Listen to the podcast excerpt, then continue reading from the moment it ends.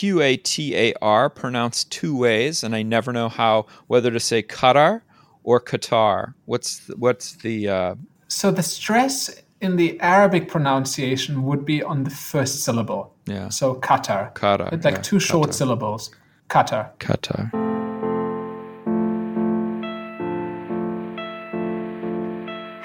It's easy to associate the space age with iconic places like Baikonur, Houston, and Cape Canaveral. But there were other places that were a part of this story, cities like Cairo and Doha and Dubai.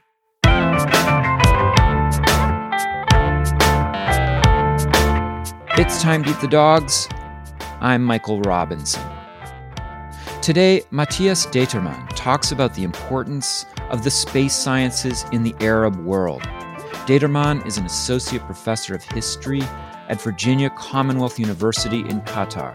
He's the author of Space Science and the Arab World Astronauts, Observatories, and Nationalism in the Middle East. Matthias Determann, thank you so much for talking with me.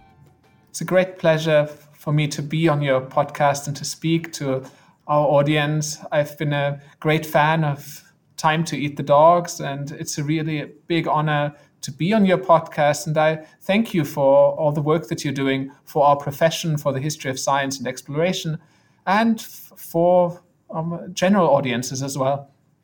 Thank you, Matthias. You know, usually when I learned about Middle Eastern science, especially in graduate school, the history of it was often told like this that there was this period of incredible, uh, rich scientific work being done in ancient Greece and in the West.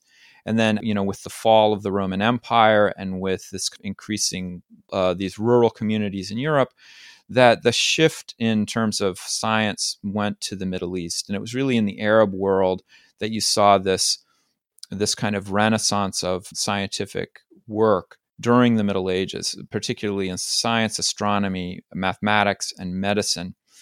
And I know that you have issues with the way that this is described, but I was wondering if you could just tell us a kind of potted history of how do most people talk about um, Islamic science, this kind of golden age period?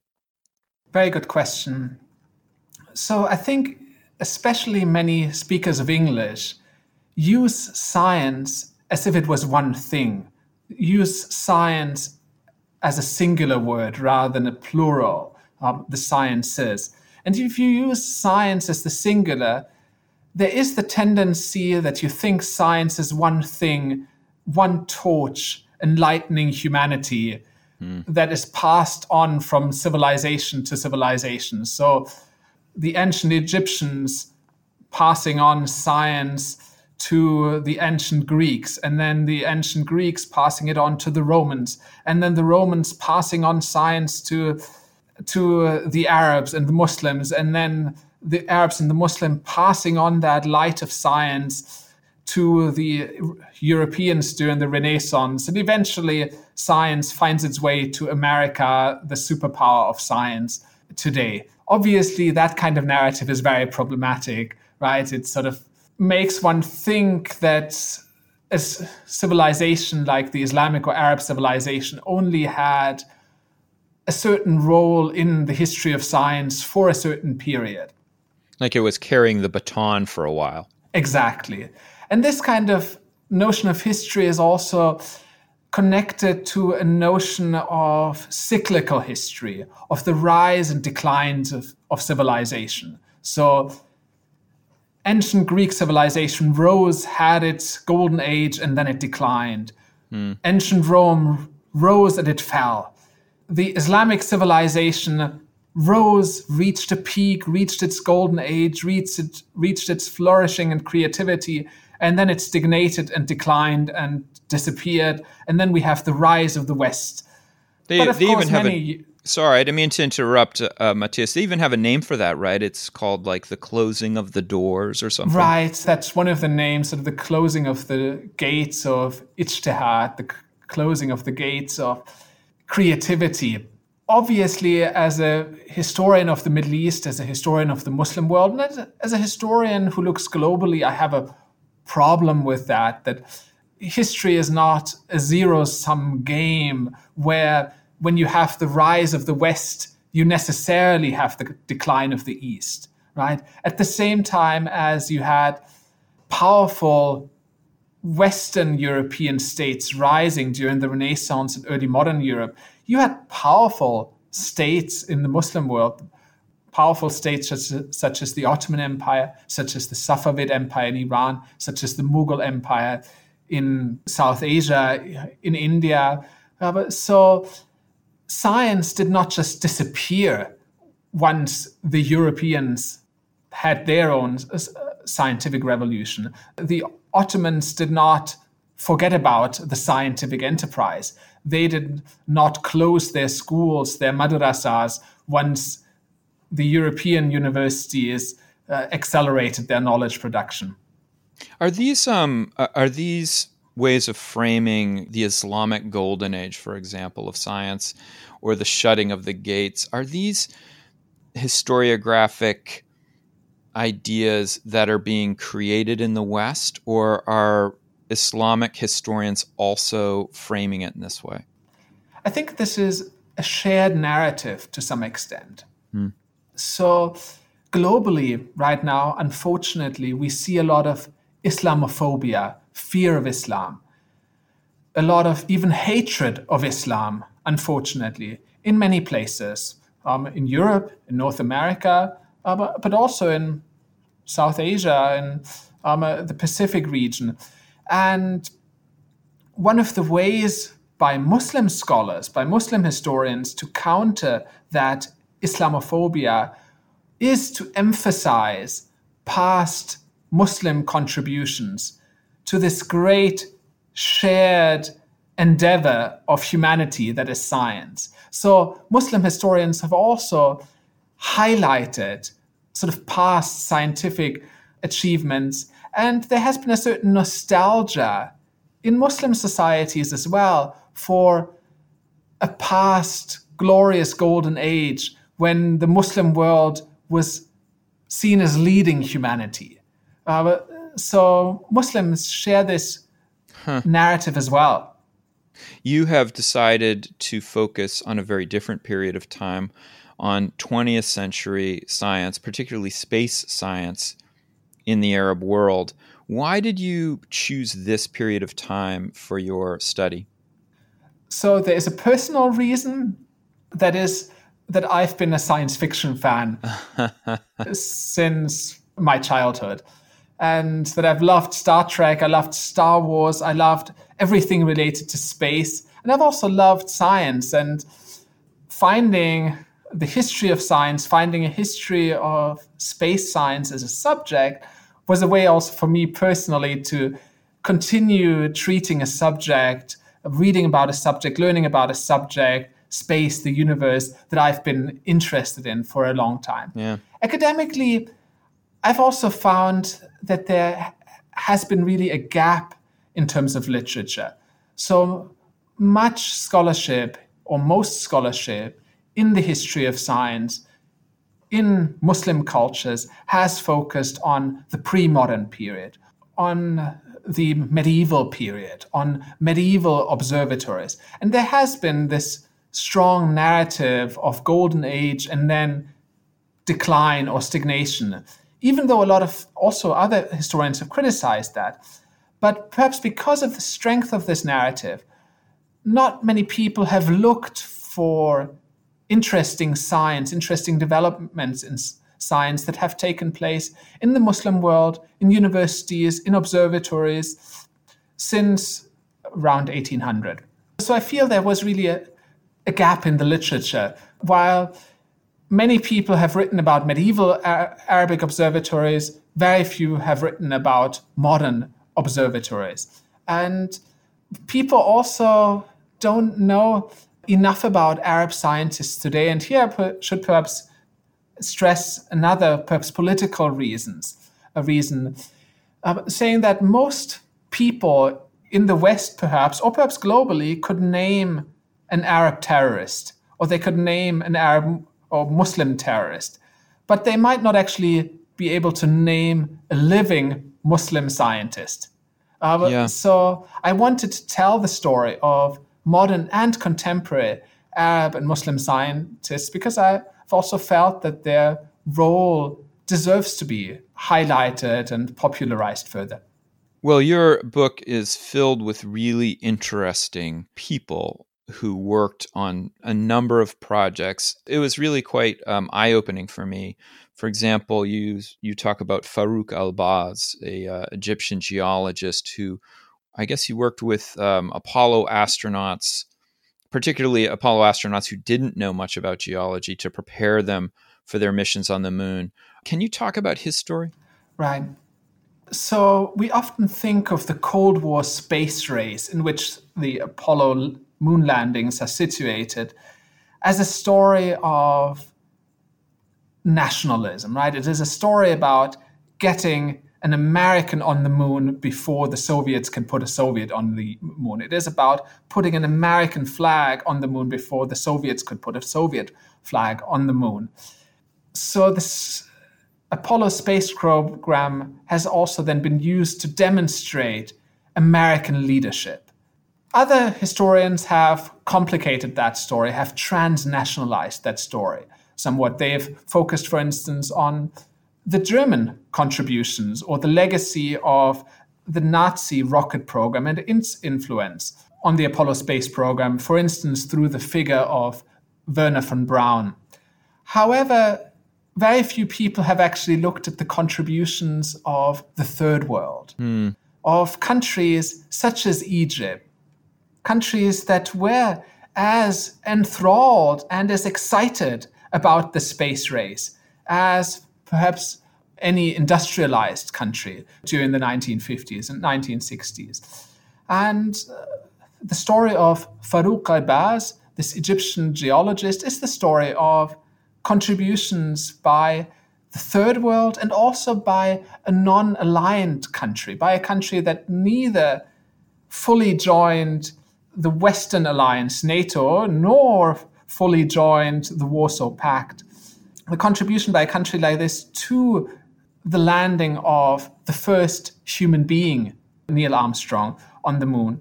And, and while he's not very well known, as you've just described, within the Western histories of Apollo, he's a bit of a rock star uh, within the Arab world. Isn't that correct?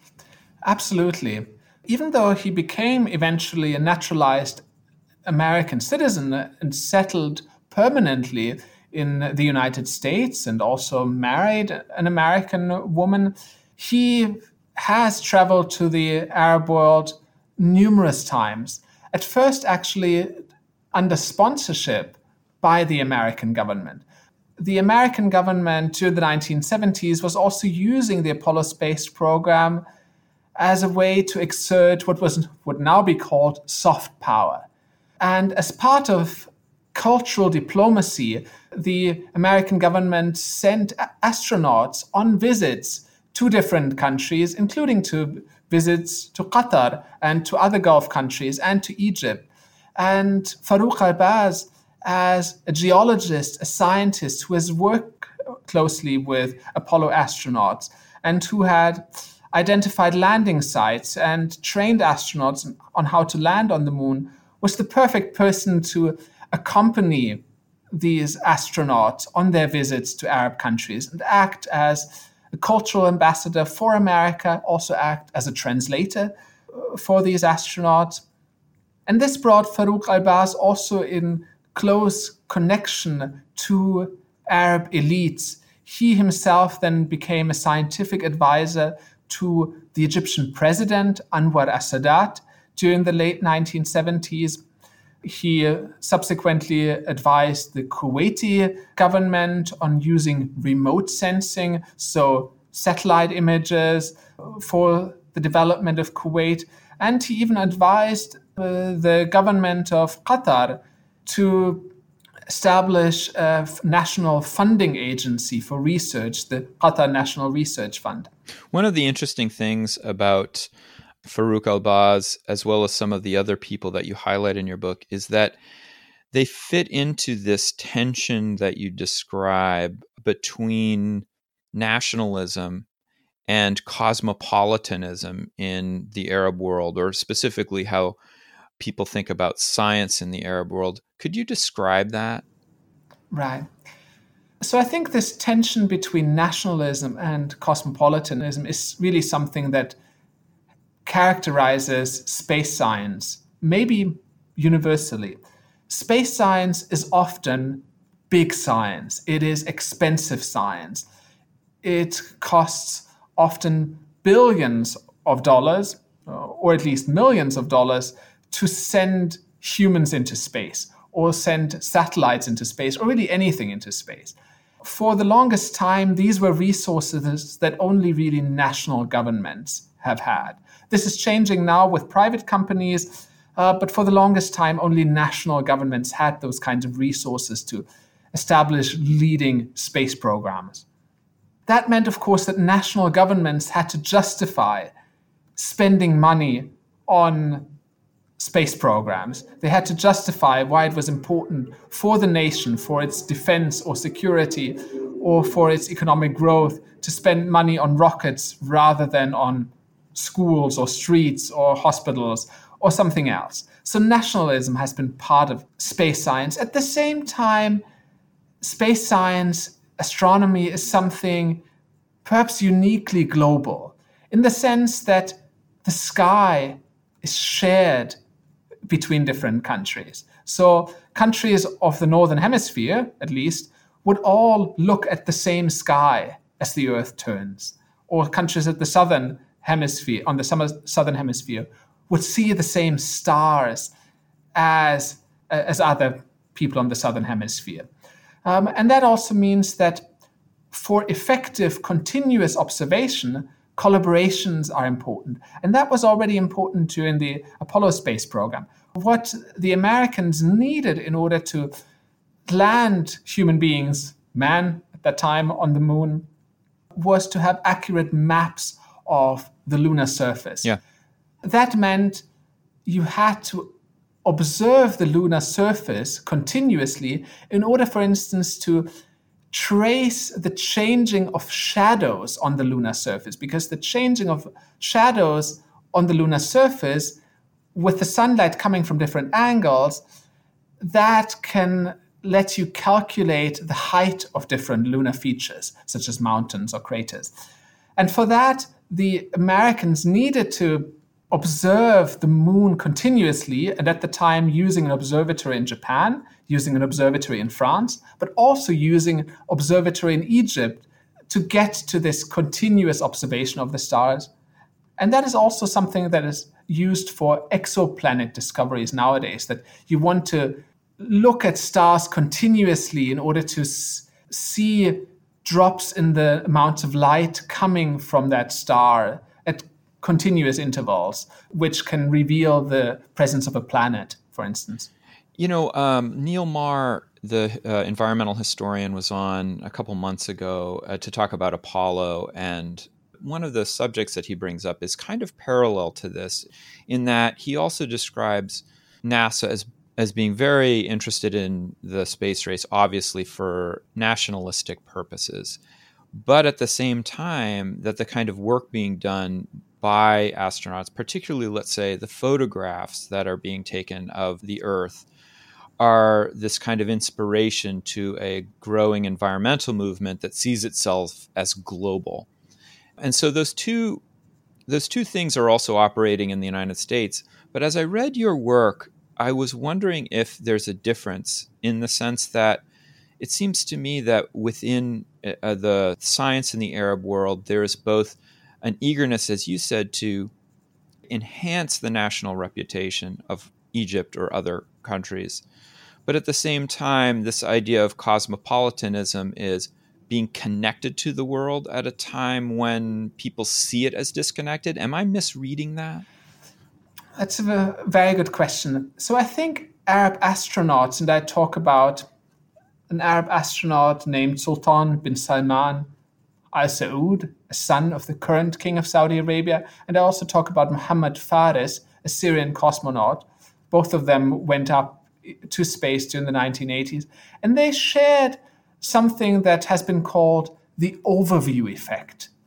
So the view of Earth from space, the view of Earth with all the boundaries disappearing. So what Sultan bin Salman Al Saud, the Saudi astronaut, who became a national hero afterwards, talks about is how when he was part of a multinational crew on the Space Shuttle Discovery in 1985, together with a French astronaut and American peers, on the first day they were all pointing to their different countries. After that, they started pointing to their different continents. And at the end of their mission, they only saw one Earth. Huh. And to actually somebody like Muhammad, uh, to somebody like Sultan bin Salman al Saud, suddenly the disputes and conflicts in the Middle East appeared to lose meaning. If you have the different territorial boundaries disappearing, I think both Sultan bin Salman and Muhammad Faris also got a new sense of having to take care of the planet, hmm. caring for the environment. So, actually, this global perspective that looking down on Earth from space provides is actually something that I would say is shared perhaps by astronauts of all nations, including astronauts from the Middle East. You also describe things going on back home, which are actually of quite a different nature. So, for example, you talk about Abdulaziz ibn Baz, who I guess he was the director or deputy director of the Islamic University in Medina in Saudi Arabia. And in the 60s, he writes this essay, The Sun Moves and the Earth is Fixed. And he gets into trouble for this article uh, with King Faisal. So, could you talk a little bit about that controversy? Right. I should say during the 1960s, essentially, Saudi Arabia had two different kinds of learned elites. One kind of learned elite was a traditionally educated class of Muslim scholars. The Arabic term is ulama, literally learned ones. So those would be people who were educated in the Quran, in the interpretation of the Quran. And in Saudi Arabia, the Wahhabi school of Sunni Islam, the Wahhabi tradition of Sunni Islam, has been dominant. And that is a school that is very literalist. Uh, so tries to take the Quran at its face value. So if the Quran says the earth is fixed, then a Wahhabi literalist, traditionally educated, learned scholars such as Abdulaziz ibn Baz would propagate that view and would propagate this view as the right belief. At the same time, however, Saudi Arabia also had an emerging technocratic elite, often educated in the West. This has been partly the result of the activities of the Arabian American Oil Company called Aramco, which was founded during the 1930s in eastern Saudi Arabia and had a, an important role in developing the country. So, this oil company sent, for instance, students and convinced the Saudi government to send students to Western universities to study subjects such as geology, such as engineering. And one of those scholars was Muhammad Abduh Yamani, who then later on became Minister of Information. So he had a more modern astronomical view based on modern astrophysics. And King Faisal was perhaps somewhere in between, hmm. that he needed the technocratic, Western educated elites, but he also needed the traditionally educated religious scholars for the Islamic legitimacy of his government. So somebody like King Faisal would keep both somebody like Abdulaziz ibn Baz, this traditionally educated Muslim theologian, and somebody like Muhammad Abdul Yamani, a Western educated technocrat, in leading positions. At the same time, however, King Faisal didn't want somebody like Abdulaziz ibn Baz to embarrass the kingdom by claiming that the universe was geocentric, that the universe was centered on the earth. So somebody like King Faisal ended up censoring ultimately Abdulaziz ibn Baz with his traditional Quran based views. But he did not fire him or he did not imprison him either because he wanted to keep ultimately this class of religious scholars for the Islamic legitimation of Saudi rule. Yeah, I was struck reading this how there are these parallels. As you said at the beginning of the interview, there are such strong stereotypes that are attached to the Arab world and the role of religion within it. And yet, reading this episode, it made me think very much of the American context, particularly right now, where you have state sponsored uh, scientific institutions that have at their top political appointees who have ideological interests in, let's say, the issue of climate change or the issue of abortion or the issue of creationism versus theories of evolution. And they affect uh, funding issues, they affect policy. As of this week, they affect issues within the Supreme Court.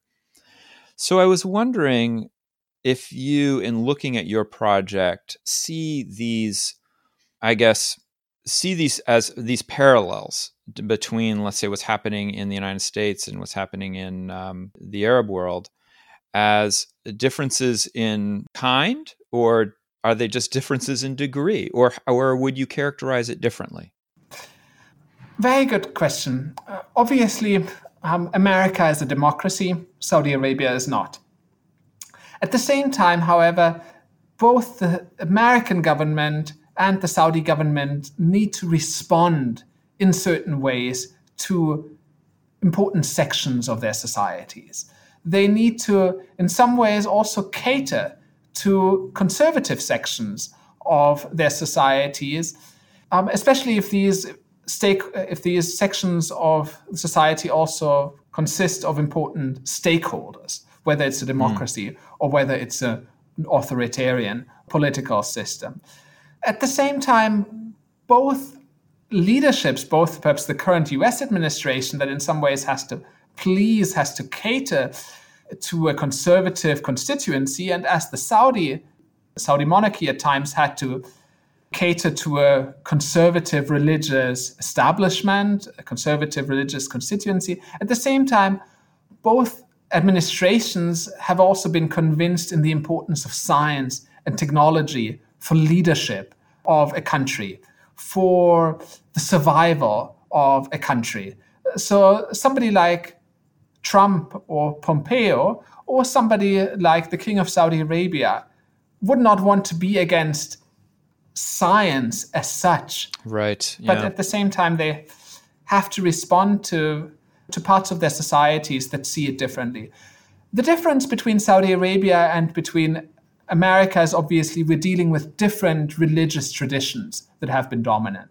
So in Saudi Arabia, Sunni Islam, more specifically Wahhabi or Hanbali, or also called Salafi, is the main constituency that uh, Saudi leaders feel that they need to have on their side. In America, perhaps an evangelical a more Protestant tradition is perhaps, and generally a Christian tradition, obviously, would be the most important constituency that American officials would need to appeal to, would need to respond to. Yeah. Matthias Determann, thank you so much for talking with me. Thank you so much. It has been really a pleasure to be on your podcast, and thank you for running Time to Eat the Dogs for our profession and for all of us. That's it for today. The music was composed by Zabrat. Make sure you check out the Time to Eat the Dogs website for podcast links and other exploration related stuff. And if you get the chance, please take a minute to rate and review the show wherever you get your podcasts. It really helps make the show visible to new listeners. And if you want to recommend a guest or make a comment, feel free to contact me at time to eat the dogs. That's one word, lowercase at gmail.com. See you next week.